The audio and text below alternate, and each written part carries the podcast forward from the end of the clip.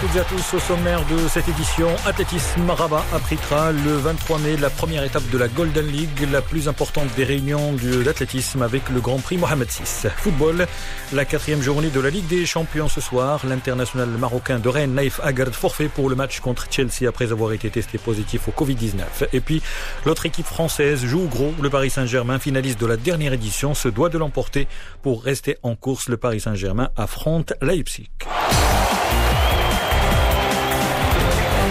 Le meeting international Mohamed VI sera la première étape du calendrier 2021 de la Ligue de Diamant, le plus important circuit de meeting d'athlétisme. Le calendrier a été dévoilé ce mardi et ça commence à Rabat le 23 mai.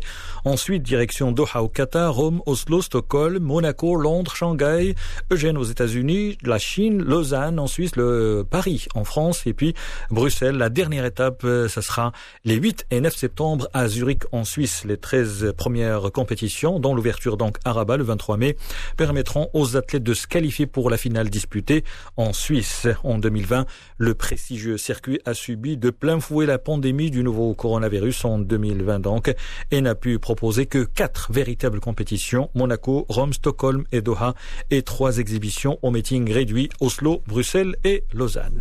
Le karaté, avant de passer au football, le prochain championnat du monde hommes et dames aura lieu du 16 au 22 novembre 2021 à Dubaï, aux Émirats arabes unis. L'annonce a été faite aujourd'hui par la Fédération internationale. La 25e édition des mondiaux devait se dérouler à Dubaï cette année, mais elle a été reportée d'un an en raison de la pandémie. Le tournoi se déroulera dans une salle d'une capacité de 17 000 places. La dernière édition s'était déroulée à Madrid, en Espagne. Positif au coronavirus, Naif Agard a déclaré forfait pour le match qui doit opposer ce soir son club, le Stade Rennais, à Chelsea de Hakim Ziyech. C'est un match de la quatrième journée de la Ligue des Champions. Le défenseur marocain a été testé positif. Il ne s'est pas entraîné hier. D'autres internationaux marocains ont été testés positifs après le match des Lions de l'Atlas contre l'équipe de Centrafrique en éliminatoire de la Coupe d'Afrique des Nations. Al-Arabi, qui joue à l'Olympiakos, il est resté au Cameroun. Le gardien Bono, gardien du FC Séville, Ta'arab Tbarkouk, le défenseur de l'équipe anglaise de Wolverhampton, Ghanem Seis. Chelsea donc Rennes ce soir et puis le Paris Saint-Germain face à Leipzig. Les Parisiens, finalistes de la dernière édition, sont en mauvaise posture. Deux défaites et une seule victoire. Les trois points sont obligatoires ce soir face aux Allemands de Leipzig. Le Paris Saint-Germain, qui reste sur une défaite en championnat, récupère Mbappé, Neymar et Marquinhos. Notre consultant Hervé Penaud. Attention, attention, danger pour le PSG. Là, on se dit, que peut-il se passer? Parce que si jamais il ne venait pas à battre Leipzig, il y a quand même de fortes chances pour que s'obstrue cette route vers les huitièmes de finale Ligue des Champions. Vous vous rendez compte Huitièmes de finale Ligue des Champions, pas de qualification pour le PSG, après avoir été en finale la dernière fois et rêvé à la remporter cette année. Mais c'est un désastre absolu. C'est-à-dire que là, je pense que Tourelle ne pourrait pas y résister. C'est-à-dire qu'il faut vraiment montrer aujourd'hui que le Paris Saint-Germain est revenu à son meilleur niveau, que toutes les stars pourront jouer ensemble, parce qu'entre les absences des uns et des autres, depuis vendredi, Neymar est revenu, Mbappé était là. Logiquement, donc tous les deux seront, seront présents au coup d'envoi et on attend beaucoup, beaucoup de, de, cette association retrouvée et puis surtout de ce Paris Saint-Germain à qui il manque, faut pas l'oublier quand même, un paquet de joueurs. Mais, mais, mais ils ont besoin d'être au rendez-vous parce que c'est, c'est un match clé et capital pour eux. Il y a obligation de, de s'imposer. Leipzig est quand même l'équipe qu'ils avaient battue en demi-finale de Ligue des Champions, faut pas l'oublier. C'est une équipe qui est largement dans leur corde. Ça veut dire que Paris a quand même beaucoup de mal cette année.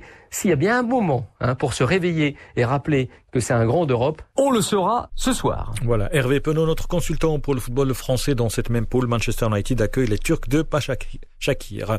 À suivre aussi le Barça, les Catalans, poussifs en championnat, réussissent sans faute en Ligue des Champions, trois matchs, trois victoires, un autre succès et sera synonyme de la qualification. Mais ce soir, le Barça sera privé de plusieurs joueurs cadres, Messi et De Jong, laissés à la maison pour se reposer, et puis les absents pour blessures, Piqué, Busquets, Ansu et Sergi Roberto. Dans ce même groupe, la Juve affronte les Hongrois de Ferencváros. Les, les Turinois comptent sur Cristiano Ronaldo, le sauveur, le Portugais qui retrouve la Ligue des Champions. Simone Rovera, notre consultant pour le football italien. La Juve, quand même, dans son ADN, c'est pas une équipe qui peut dire qu'elle va se contenter d'arriver deuxième de la phase des poules. Il y aura Franca Barros. Il y aura surtout l'arrivée des matchs retour face au Barça, où la Juve voudra aller chercher peut-être, pourquoi pas, une première place avec, euh, il faut quand même une victoire au moins 2 euros là-bas. On verra qu'est-ce qui se passe. Mais Cristiano, aujourd'hui, l'influence de Cristiano, c'est évident. 20 buts marqués de la Juve cette saison, parce que la Juve continue à jouer mal, parce que Pirlo continue à trouver des petites solutions peut-être en deuxième partie de saison, c'est rien mieux, mais pour l'instant, c'est Cristiano et, la Juve, on l'a pas encore vu comme voulait Andrea Pirlo, mais c'est vrai que quand Cristiano est là, on dirait que le monde est plus beau, la vie est en rose, tout va mieux, parce que la Juve simplement fait la chose qu'elle réussit mieux, gagner. Et avec Cristiano, c'est plus simple. Simone Rovera, notre consultant pour le football italien, à suivre également ce soir le Borussia Dortmund qui affronte les Belges du FC Bruges et puis le FC Séville contre Krasnodar. C'est la fin de cette édition. Merci de votre fidélité. Excellent début de soirée à l'écoute de Média.